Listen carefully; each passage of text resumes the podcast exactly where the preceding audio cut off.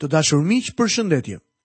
Ju uroj mirëseardhjen në emisionin e sotëm dhe ju kujtoj që jemi duke studiuar fjalën e Perëndisë së gjallë. Sot do studiojmë kapitullin e 6 në librin e Jozueut. Tema që do të shqyrtojmë mbi këtë kapitull është pushtimi i Jerikos. Tani që kemi mbërritur në pushtimin aktual të tokës së premtuar, le t'i hedhim një vështrim ngjarjeve që çuan deri aty popullin e Izraelit. Bijtë e Izraelit kaluan lumin Jordan në një mënyrë të mrekullueshme dhe hynë në vend. Në stinën e verës, Jordani është një lum i vogël dhe i qetë, por gjatë stinës së shirave është një përrua i rrëmbyer. Arka e Zotit e mbajtur nga priftërinjtë eci përpara tyre. Arka përfaqësonte prezencën e Krishtit. Kur këmbët e priftërinjve arritën lumin Jordan, ujërat u zmbrapsën. Pastaj qëndruan në mes të lumit me arkën mbi supe ndërkohë që të gjithë njerëzit kaluan lumin dhe vendosën përkujtimoren me 12 gurë. Tani bijtë e Izraelit kanë fushuar në anën perëndimore të lumit Jordan. Ata i pret një e ardhme e lavdishme dhe e mrekullueshme. Kjo është toka që Zoti kishte premtuar t'ua jepte. Një vend ku rrjedh qumësht dhe mjaltë. Ky ishte vendi që u ishte thënë të pushtonin. Zemrat e tyre janë të drithëruara nga ai vend. Dallgë pritjeje dhe gëzimi kalojnë përmes tyre. Para se të pushtonin tokën, izraelitët u rrethprenë si simbol i besëlidhjes që kishte bërë Zoti me Abrahamin. Pjesë e asaj besëlidhje ishte që ata do ta kishin atë tokë. Jozueu bëri thika të mprehta prej guri për të kryer ritin e rrethprerjes. Çfarë zbatimi gjen kjo në jetën tonë? Për mua thikat e mprehta i referojnë fjalës së Perëndisë, e cila është e gjallë dhe vepruese, më e mprehtë se çdo shpatë me dy tehe. Ajo fjalë është e aftë të ndajë. Në vendin tonë të gjithë kufijtë e moralit janë fshirë, por në fjalën e Zotit vazhdon të ekzistojë akoma e bardha dhe e zeza. Ne duhet të kthehemi tek morali i Biblës, sepse nuk do të ketë bekime mbi këtë komb ose mbi ndonjë tjetër nëse nuk kthehemi sërish tek fjala e Zotit. Diçka tjetër që vonoi pushtimin e tokës ishte vizioni i komandantit të ushtrisë së Zotit. Gjenerali Jozue do të merrte urdhra nga më lart. Hapi i parë i pushtimit është Jerikoja dhe ne shohim se taktika është të ndahet vendi. Me zotërimin e qyteteve të Jerikos dhe Ait, qendra e vendit do të ishte e tyre. Pastaj ata duhet të lëviznin për në jug. Kjo metodë e ndarjes së tokës është një metodë që u ndoq që nga gjeneralët e mëdhenj të asaj kohe dhe deri nga këta të sotmit. Ata ndanin armiqtë dhe pastaj e merrnin tokën pjesë-pjesë. Kjo metodë u përdor në luftën civile, në luftën e parë botërore dhe atë të dytë botërore. Gjithsesi metoda për marrjen e qytetit të Jerikos nuk do të përdoret më. Le ta shohim. Lexojmë në vargun e parë të kapitullit të 6 në librin e Jozueut. Jeriko ishte i mbyllur dhe i mbrojtur mirë nga frika e bijve të Izraelit. Askush nuk dilte dhe askush nuk hynte në të. Jeriko ishte i përgatitur për sulmin e izraelitëve, nuk e menduan se do të arrinin aq shpejt.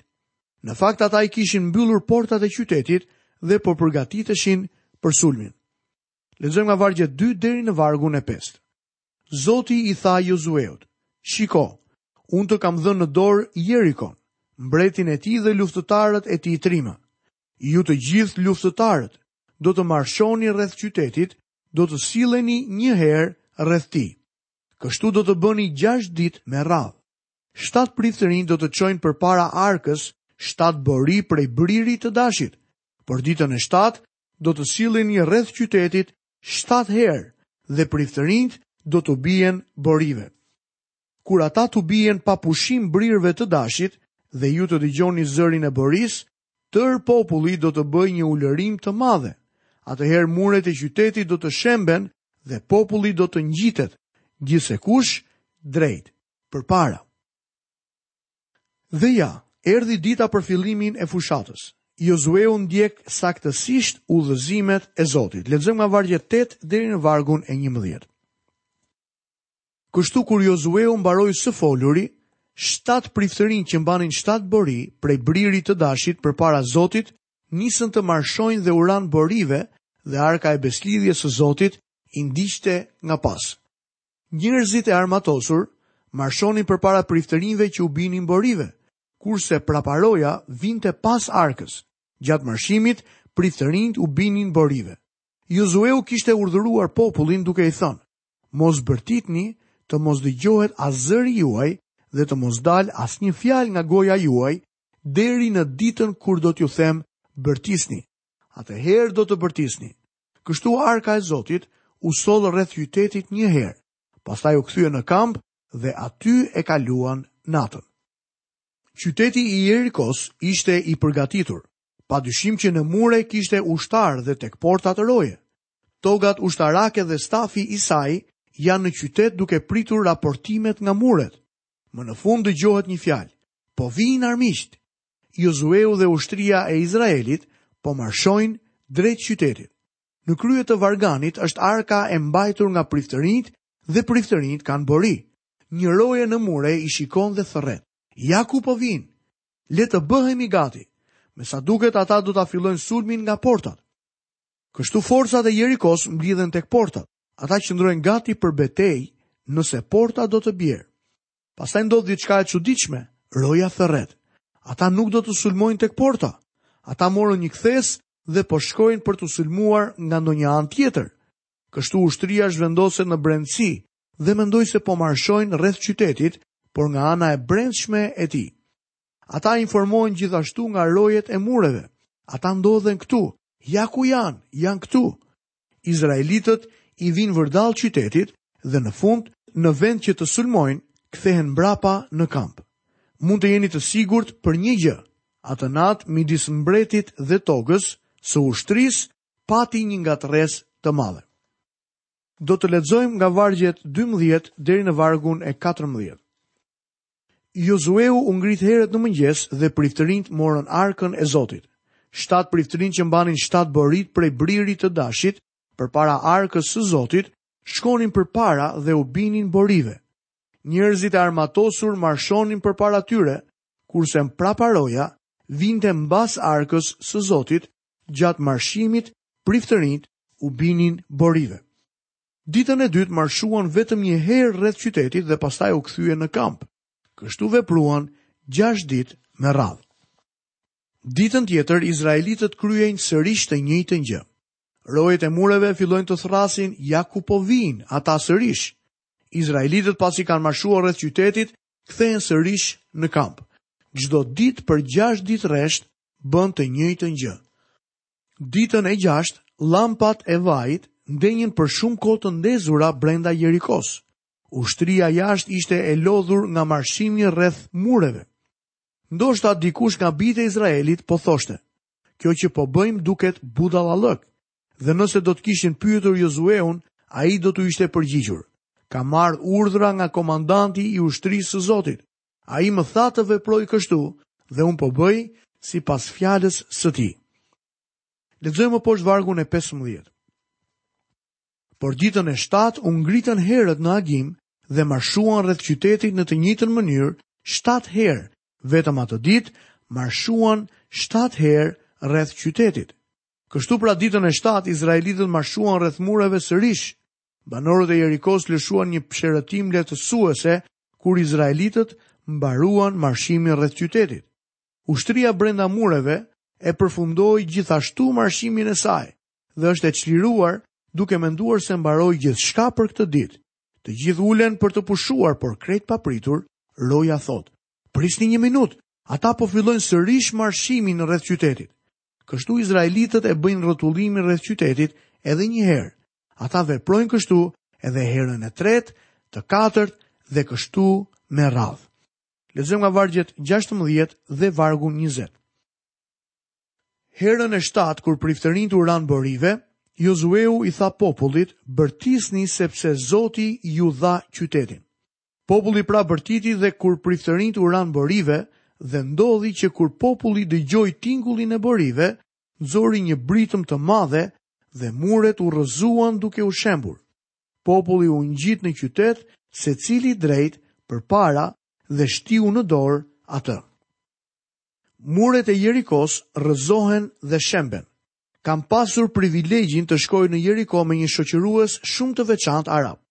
Ai kishte punuar në atë zonë me disa ekspedita arkeologjike dhe kishte zhgroposur qytetin e vjetër të Jerikos. Për këtë arsye e pyeta se çfarë mendonin arkeologët për rënien e mureve të qytetit të lashtë. Ai më tregoi se asnjë arkeolog nuk ishte në gjendje të jepte një vlerësim të saktë, por që të gjithë binin dakord se muret kishin rënë. Fjala e Zotit thotë se muret ranë dhe u shembën dhe kjo gjë ishte një dëshmi e gjallë e Perëndisë. Besimi i besimtarit nuk mbështetet në lopatën e arkeologut. Fjala e Zotit thotë te Hebrenjtë 11.30, me anë të besimit ranë muret e Jerikos, pasi u sollën rreth tyre 7 ditë. Jeriko përfaqëson botën për besimtarët. Ajo është e fortë dhe e frikshme, por zotërimi i saj varet nga besimi, sepse çdo gjë që ka lindur nga Perëndia e mundi botën, Dhe kjo është fitorja që e mundi botën, besimi ynë. Hebrenjtë në kapitullin e 11 zbulon se si funksionoi besimi në të gjitha epokat e shërbëtorëve të zgjedhur të Zotit, ndërkohë që përballeshin me botën. Ata e mundën botën me anë të besimit. Shpesh të dëgjojmë të thuhet. Jozueu përgatiti betejën e Jerikos, por a është kjo e vërtetë? A e përgatiti vërtet Jozueu betejën e Jerikos? Jo, ai nuk luftoi aspak. Ai vetëm marshoi rreth qytetit. Kush e bëri luftën? Perëndia, miqtë e mi. Dhe besoj se çdo interpretim tjetër është qesharak. Disa thonë se ndodhi një tërmet pikërisht në momentin kur priftërinjtë u ranë borive dhe njerëzit bërtitën, dhe goditja rrëzoi muret për tokë. Të tjerë thonë se marshimi i vazhdueshëm i bijve të Izraelit rreth mureve i tronditi dhe si përfundim ranë. Mund ta besoni nëse doni, por mua më pëlqen ashtu siç është thënë në fjalën e Perëndisë. Perëndia e korri fitoren. Izraeli mori zotërimin. Një problem i madh që kanë shumë besimtarë sot është se përpiqen të përgatisin betejën e Jerikos dhe të mundin botën. Por ne duhet të marrim urdhrat nga komandanti atje sipër, komandanti i shpëtimit tonë. Le të shohim shkurtimisht edhe dy gjëra. E para është se si u shpëtua Rahabi. Lexojmë nga vargjet 22, 23 dhe 25. Pastaj Jozueu u tha dy burrave që kishin vëzhguar vendin, shkoni në shtëpinë e asaj prostitute dhe nxirreni jashtë gruan dhe tërë ato gjëra që i përkasin asaj, siç i jeni betuar. Atëherë të rinjë që kishin vëzhguar vendin, shkuan dhe nxorën jashtë Rahabin, të atin, të ëmën, të vëllezërit dhe gjithçka që i përkiste asaj. Kështu nxorën jashtë të gjithë afërmit e saj dhe i lanë jashtë kampit të Izraelit. Por Jozueu e la të gjallë prostitutën Rahab, familjen e atit të saj dhe gjithçka që i përkiste.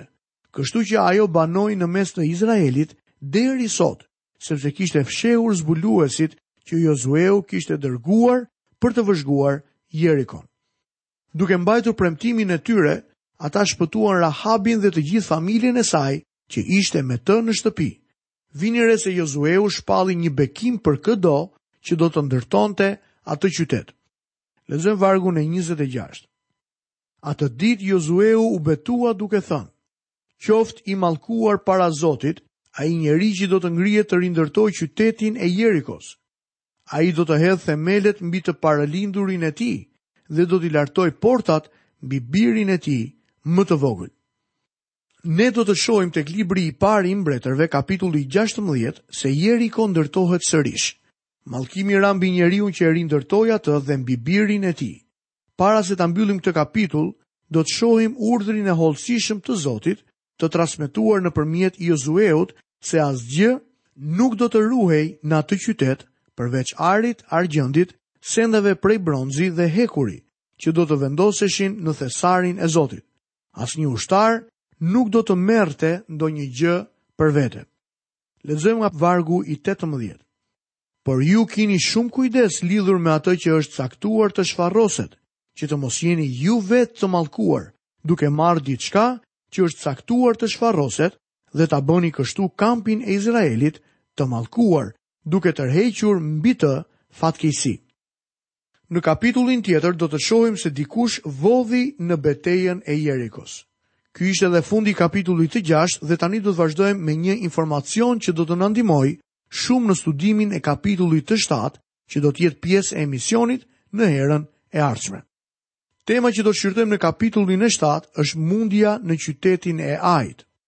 Vlen të theksojmë se armiku më i keq që ti ke është vetja jote. Ajo ka të njëjtën lëkurë si ti.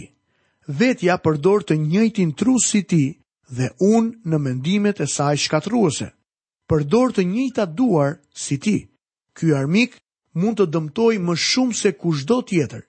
Vetja jote është pengesa më e madhe që ke në jetën e përditshme të krishterë. Ekzistojnë dy faktorë që bëjnë marrëveshje me këtë armik dyfish të vështirë. Së pari, nuk duam ta pranojmë dhe ta identifikojmë. Ngurrojmë ta quajmë armik.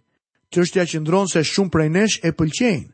Problemi i dytë është se ky armik ndodhet brenda nesh. Nëse do të mund të dilte jashtë dhe të luftonte, atëherë do të ishte ndryshe, por kjo nuk ndodh. Jo për shkak se është frikacak, por për shkak se mund të luftojë më mirë nga pozicioni i tij i brendshëm. Kombe, qytete, kisha dhe individë janë shkatërruar nga armiqtë e brendshëm. Rusia ra në duart e komunistëve, jo për shkak të presionit gjerman të jashtëm, por për shkak të nxitjes së doktrinës së brendshme. Nga historia e lashtë vjen një rrëfenjë autentike që hyn në kategorinë e mitologjisë dhe thotë se qyteti i Trojës i mbajti grekët për 10 vjet larg tij, Më në fund, grekët u larguan duke lundruar dhe lanë në tokën trojane një kalë të drunjtë. Trojanët e futën kalin e drunjtë brenda mureve të qytetit dhe pikërisht nga ai erdhi asgjësimi dhe shkatërrimi i Trojës. Në një mënyrë të ngjashme, kishat shkatërrohen nga brenda dhe jo nga forcat e jashtme. Zoti Jezu Krisht në letrat e tij drejtuar kishave të Azisë së Vogël, u dha atyre disa paralajmërime. Asnjë nga këto kisha nuk mori paralajmërime për armiqtë e jashtëm. Tek libri i Zbulesës, kapitulli 2, vargjet 14 dhe 15, Jezusi tha, Sepse ke aty disa që mbajnë mësimin e Balamit, kështu ti ke edhe disa që mbajnë mësimin e Nikolaitëve, të cilën gjë e urrej. Gjithashtu, paralajmëroi. Por kam disa gjëra kundër teje, sepse ti e lejon gruan Izabel që e quan veten profeteshë, të mësojë dhe t'i mashtrojë shërbëtorët e mi, të kurvërojnë dhe të hanë gjëra të flijuara ndaj idhujve. Në fakt Krishti u tha këtyre kishave, ju keni diçka përbrenda që po sjell shkatërrimin. Tradhtia dhe mungesa e besnikërisë në kishën e sotme po dëmton çështjen e Zotit më shumë se çdo armik tjetër i jashtëm. Djalli mund t'i shkatërrojë kishat tona vetëm nga brenda, jo nga jashtë. Gjithashtu miku im, një individ mund të shkatërrohet nga brenda. Aleksandri i Madh ishte ndoshta gjeniu më i madh ushtarak që zhvendosi ushtritë nëpër faqet e historisë. Nuk ka pasur asnjë si ai. Para moshës 35 vjeçare ai kishte pushtuar botën, por në fund vdiq si pijanec. Ai zotëroi botën, por nuk mundi të zotëronte dot Aleksandrin e Madh, veten e tij. Brenda tij ishte një armik që e shkatërroi përfundimisht. E vetmja betejë ku bijtë e Izraelit, humbën në marrjen e tokës së premtuar, ishte beteja në të cilën erdhi mundja, jo nga jashtë, por nga brenda. Kur bijtë e Izraelit, hyjë në tokën e premtuar, para tyre qëndronin vetëm tre armiq, të spikatur dhe të jashtëzakonshëm. Ata ishin Jeriko, Ai dhe Gibeonitët. Këta tre armiq të Izraelit pengonin kënaqësinë e tij dhe zotërimin e tokës së premtuar. Toka ishte aty. Perëndia u kishte thënë se ishte e tyre. Perëndia u kishte dhënë dokumentin e pronësisë në premtimin e tij ndaj Abrahamit. Zoti i tha Jozueut, Unë ju kam dhënë çdo vend që tabani i këmbës suaj ka për të shkelur, siç i thashë Moisiut. Perëndia u tha, është i juaj, shkoni, zotërojeni dhe shijojeni atë që merrni. Çfarë mësimi i mrekullueshëm për ne.